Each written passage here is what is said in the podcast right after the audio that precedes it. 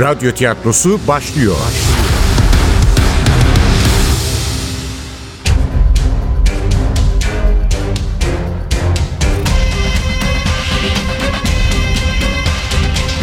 Sultanı Öldürmek 23. Bölüm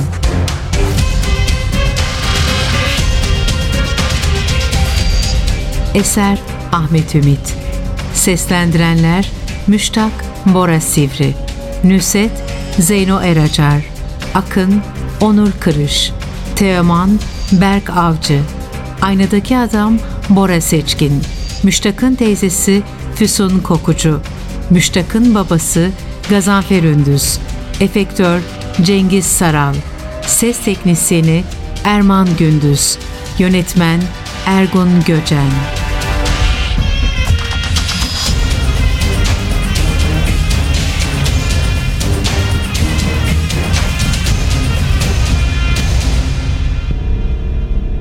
Haklı çıkmanın gururunu yaşayacak halde değildim. Dikkatle içeri dinlemeye başladım. Ben de bir ses duyar gibi oldum. Ama inilti öyle cılızdı ki emin olamadım. Belki de bu kendini beğenmiş adamın kaprisleri olmasa, evet biri inliyor derdim hemen. Fakat şerrinden korktuğum için emin olamadım dedim. En iyisi girip bakalım. Yani Akın... Akın'ı... Ben... Ben içeri girmesem... Yani... Ben kan görmekten korkarım da. Aslına bakarsanız ben de pek meraklı değildim kan görmeye. Üstelik bir gün arayla iki ceset. Dur dur. Daha Akın'ın öldüğü bile belli değil. Onca yaşananlardan sonra insan ister istemez karamsar oluyor. Halbuki inlediğine göre Akın hala yaşıyor demekti. Ama böyle kapı önünde biraz daha beklersek... Bu kez ben ittim bütün gücümle aralık kapıyı. Sahiden de eşek ölüsü kadar ağırdı. Siz burada bekleyin, ben bakarım. Ama sakın bir yerlere kaybolmayın, size ihtiyacım olabilir. Tamam. Tamam. İsterseniz polise haber vereyim. Hayır, emin olalım, öyle. Bir de polislerle başımız belaya girmesin durduk yere. Oldu. Siz nasıl isterseniz. Onu korkusuyla baş başa bırakıp aralık kapıdan içeri girmek üzereyken karşı kapının açıldığını gördüm. Yaşlı kadının kaygılı bakışlarıyla karşılaşmamak için daldım Akın'ın dairesine. Geniş bir salon. Oysa bir sofa bekliyordum. Hayır, sofa Nusret'in evindeydi. Birkaç adım attım, ayağım yumuşak bir zemine dokundu. Sanırım yerde kalın tüylü bir halı vardı. Işıklar kapalı olmasına rağmen yerlerden yayılan aydınlık tam olarak seçilemese de geniş koltukların çevrelediği cam sehpayı, pencere önündeki küçük masayı, iskemleleri, duvarı yarı yarıya kaplayan kütüphaneyi görünür kılıyor, rahatça yürümemi sağlıyordu. Ama bu yeterli değildi. Işık. Düğmeler nerede? Kapının yanında. Düğmeler telefon sehpasının dayandığı duvarda. Evin içi pembe bir ışıkla aydınlanırken inilti daha da güçlü çıktı. Yaralı içeri girdiğimi anlamış olmalıydı. Derhal koridora yöneldim. Akın mıydı bu sesin sahibi? Başka kim olacak? İşte o anda gördüm yerde yatan bedeni. Işıkları hala yanan odanın kapısında sağ yanına yıkılmıştı. Başı ve omuzları koridorun üstündeydi. Göremiyordum ama bedeninin geri kalanı odanın içinde olmalıydı. O kadar hareketsizdi ki son iniltiyi de çıkardıktan sonra öldü diye düşündüm. Ürktüm, yaklaşamadım. Sanki halimi anlamış da cesaretlendirmek ister gibi inlediğini. Hemen yaklaşmak, yanındayım demek istedim. Ama göreceğim manzaranın korkunçluğu beni ürkütüyordu. Geçen her saniyenin önemini kavramama rağmen yaralının yanına gidecek cesareti kendimde bulamadım. Bir an büyük bir boşluk belirdi içimde. Kapkaranlık, anlamsız, sınırsız bir boşluk. Bu dar koridor, yerde yatan eski asistanım, kapıda bekleyen iç mimar, hepsi, her şey anlamsız geldi. Bu yarı aydınlık ev bütün eşyalarıyla hafakan gibi çöktü üzerime. Hepsini, Her şeyi boş verip kaçmak istedim. Tıpkı Nusret'in dairesinden tüymek istediğim gibi. Tabii sıkıya geldi mi sıvışır müştak. Haklıydı teyzem. Cesur biri değildim. Ama eski sevgilimin evinden sıvışamadığım gibi buradan da kaçamayacaktım. Sadece vicdanım izin vermediği için değil. Şu anda çıkıp gitsem bile bu beladan kurtulamayacağımı bildiğimden. Nüset gibi Akın'ın da hiçbir zaman peşimi bırakmayacağını bildiğim için. Üstelik eski sevgilimi bulduğumda çoktan ölmüştü. Oysa eski asistanım hala yaşıyordu. Ve şu anda benden başka kimse ona yardım edemezdi. Tedirginliğimi bastırıp koridor boyunca ilerlemeye başladım. Adımlarımı hızlandırdım. Birkaç adım sonra yüzünü hala tam olarak seçemesem de yerdeki kişinin Akın olduğundan emindim. O kuzguni, kıvırcık saçları nerede olsa tanır. Akın? Akın? İyi misin? Tamam Akın. T- tamam evladım. İyileşeceksin. Önce keskin bir koku çarptı burnuma. Pas gibi ama değil. Tanıdık, tuhaf bir koku. Yerdeki koyulaşmış sıvıyı görünceye kadar anlayamadım ne olduğunu. Başını koyduğu yer kıpkırmızıydı. Kanla kutsanmış bir aziz gibi. Nerede okumuştum ben bu cümleyi? Dostoyevski'nin romanlarında mı? Hayır, Dostoyevski öyle kötü cümleler kurmaz. Ama cinayetleri büyük bir zevkle anlatır. Sanki o insanları kendi öldürmüş gibi. E, bol miktarda kan da olur tabii. Raskolnikov elindeki baltayı yaşlı kadına indirdikçe Eminim bu kadarı Dostoyevski'nin romanlarında bile yoktu. Nusret'in cesedinin bulunduğu odada bile. Bu kadar kan yok muydu? Belki kuruduğu için, belki paniklediğim için görmemişimdir. Neyse. Eski sevgilime artık hiçbir faydam dokunmazdı. Ama eski asistanımı kurtarabilirdim. Kanlar içindeki akını kaygıyla inceledim. Konuşmaya çalışıyordu güya. Ağzını her açtığında köpüklü bir kırmızılık yayılıyordu dudaklarının arasından çıplak zemine. Üzerinde hiç giysi yoktu. Dizleri karnına çekiliydi. Üşüdüğü için mi, bir tür savunma refleksi olarak mı bilinmez. Cen'in vaziyeti almaya çalışmıştı. Akın'a bakıyordum. Evet, Cen'in vaziyeti almaya çalışmıştı. Ama onu da tam olarak başaramamıştı. Sağ eli kırık bir dal gibi bedeninin altında kalmıştı. Karnında, sırtında bizim tombul iç mimarın atkısının renginden daha koyu lekeler vardı. Ve yerdeki kan odanın içlerine, daha yatağın ucuna kadar uzanıyordu. Yatağın etrafındaki kırmızılık koyulaşmış, neredeyse siyaha dönmüştü. Şiltenin altındaki ahşap mobilyada da kurumuş kan lekeleri göze çarpıyordu. Onu dövmeye yatakta başlamış olmalılardı. Belki de öldü diye bırakmışlardı. Ama sandıklarından daha güçlü çıkmıştı Akın. Narin bedeni dayanmış, son bir gayret kapıya ulaşmak istemişti. Hayatta kalmak için elinden geleni yapmıştı çocuk. Peki ben ne yapacaktım şimdi? Yine bir çaresizlik dalgası. Yerde yatan asistanım kadar zavallı hissettim kendimi. Başım döndü, bedenimden ter boşandı. Yoksa yine mi o kriz? Hayır, kendimi bırakamazdım. Hayır hayır şimdi değil. Bu çocuğun bana ihtiyacı vardı. Akın'ın iniltisi bir kez daha cesaretlendirdi beni diyemeyeceğim ama hiç değilse kendime getirdi. Derin bir nefes alıp yanına çömelmek istedim. Beni görürse kendini daha iyi hissederdi. Boynunu kıpırdatamadığı için evin içinde dolaşan bu adamın kim olduğunu hala anlayamamıştı. Evet, beni görse iyi olacaktı.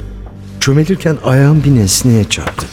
Çarptığım alet küçük bir tıkırtı çıkartarak yatak odasına doğru kaydı. Bu bir bıçaktı. Mektup açacağı değil, kara saplı bir bıçak.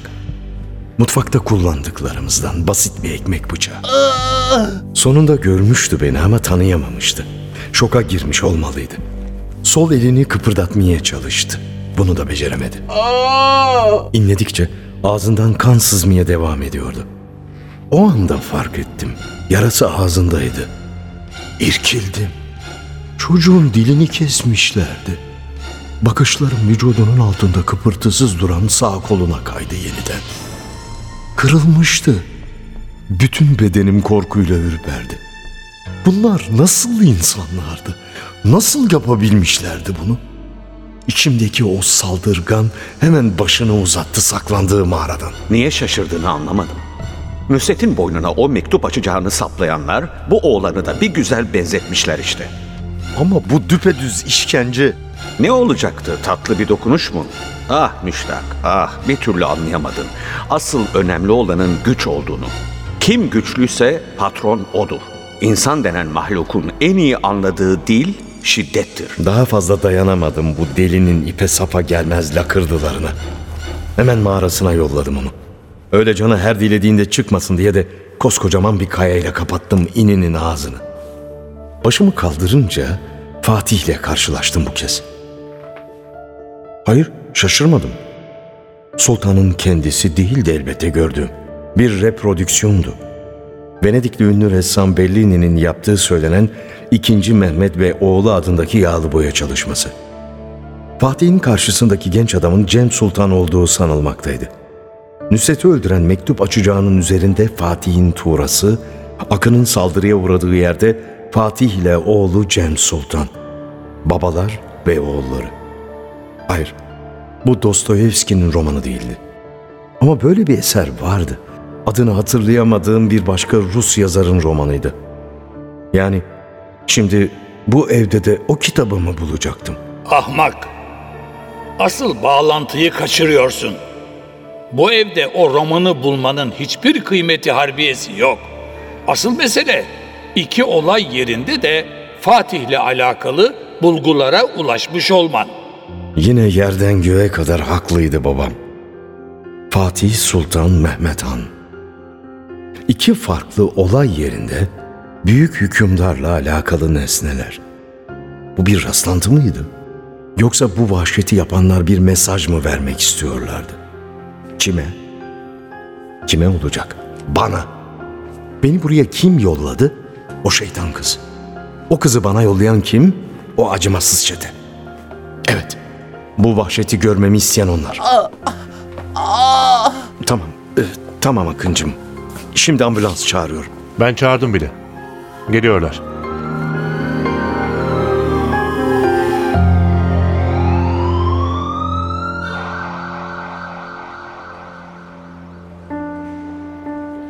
Bursa'ya gömülen son padişah. Şu kadının ölümüyle bir bağlantısı var mı bu saldırının? Etfal Hastanesi'nin koridorundaki bankta yanıma oturmuştu Teoman. Dizlerini birleştirmiş, atkısıyla anorağını bir bohça gibi kucağında katlamıştı. Beresini sinirli sinirli çekiştirip duruyordu. Telefonda söylemiştiniz ya. Nusret Hanım öldürülmüş. Akın'ı yaralayanlar onun katilleri mi? Kendi tahminimi başka birinden duymak nedense telaşlandırdı beni. Emin olmadığımdan değil, bu sözlerin arkasında durmam gerektiğinde. İç mimarı açıklamak neyse de polis sorduğunda ispatlamak biraz zor olabilirdi. Elimde hiçbir delil yoktu. Sadece öyle olduğunu farz ediyordum. Ama faraziyelerim doğru çıkmıştı. Akın'ın başına kötü bir iş gelebileceğini düşünmüş, tam da aklıma gelen ihtimalle karşılaşmıştım. Daha da kötüsü olabilirdi. Nüset gibi Akın'ı da öldürebilirlerdi eğer zamanında yetişmeseydim. Tahir Hakkı ve gözünü kan bürümüş üç talebesi. Evet Müştak Bey. Sizce Akın'ı bu hale getirenler Nusret Hanım'ın katilleri mi? Aslında emin değilim. Gerçeği bize ancak Akın anlatabilir. Elbette kaçamak cevabım onu tatmin etmemişti. Beresini anorağının üzerine bırakıp sağ eliyle armut biçimindeki çıplak kafasının tepesinde bir yerleri kaşıdı. Ama iki olayın da aynı akşam olması. Sahi siz nasıl anladınız Akın'ın başına bir iş geldiğini? Tahmin. Tümüyle tahmin. Nusret'in öldürüldüğünü öğrenince Akın'ı aradım. Olay hakkında bilgi almak istiyordum. Ama telefonu cevap vermedi. Tedirgin oldum. Yine de işi vardır diye rahatlattım kendimi. İki saat sonra yeniden aradım. Bir saat sonra bir daha. Yarım saat sonra bir daha. Yok, ulaşılamıyordu. Korkmaya başladım tabii. Aklıma evine gitmek geldi. Niye polise haber vermediniz? Şüphe içinde yüzen gözlerini yüzüme dikmişti. Aslında ne saklıyorsunuz demek istiyordu. Sizin bu olaydaki rolünüz ne? Belki de aklımdan bunların hiçbiri geçmiyordu da kuruntulu olduğum için bana öyle geliyordu. Hainler evhamlı olur. Ne alakası var canım? Ben hain filan değilim. Tamam, bazı konuları saklamak zorunda kalmıştım. Fakat bu kötü niyetli olduğum anlamına gelmez. Üstelik gelişmeler Nusret'i benim öldürmemiş olabileceğim ihtimalini de güçlendiriyor. Ama yaşadıklarımı tüm açıklığıyla başkomiser Nevzat'a anlatacak duruma da gelmemiştim henüz. Ne polise ne de haklı olarak olan biteni merak eden bu iç mimara.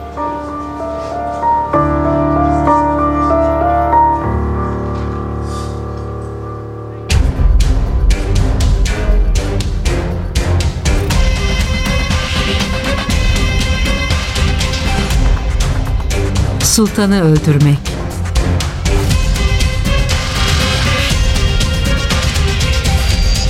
Eser Ahmet Ümit Seslendirenler Müştak Bora Sivri Nüset Zeyno Eracar Akın Onur Kırış Teoman Berk Avcı Aynadaki Adam Bora Seçkin Müştak'ın teyzesi Füsun Kokucu Müştak'ın babası Gazanfer Ündüz Efektör Cengiz Saral Ses Teknisyeni Erman Gündüz. Yönetmen Ergun Göcen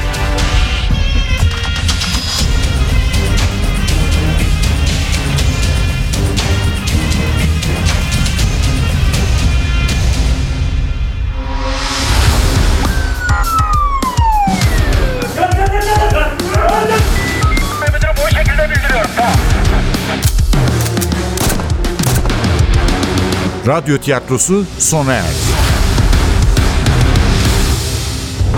Radyo tiyatrosu her cumartesi 11.30'da NTV Radyo'da. Kaçıranlar ve tekrar dinlemek isteyenler içinse ntvradio.com.tr'deki podcast sayfamızda.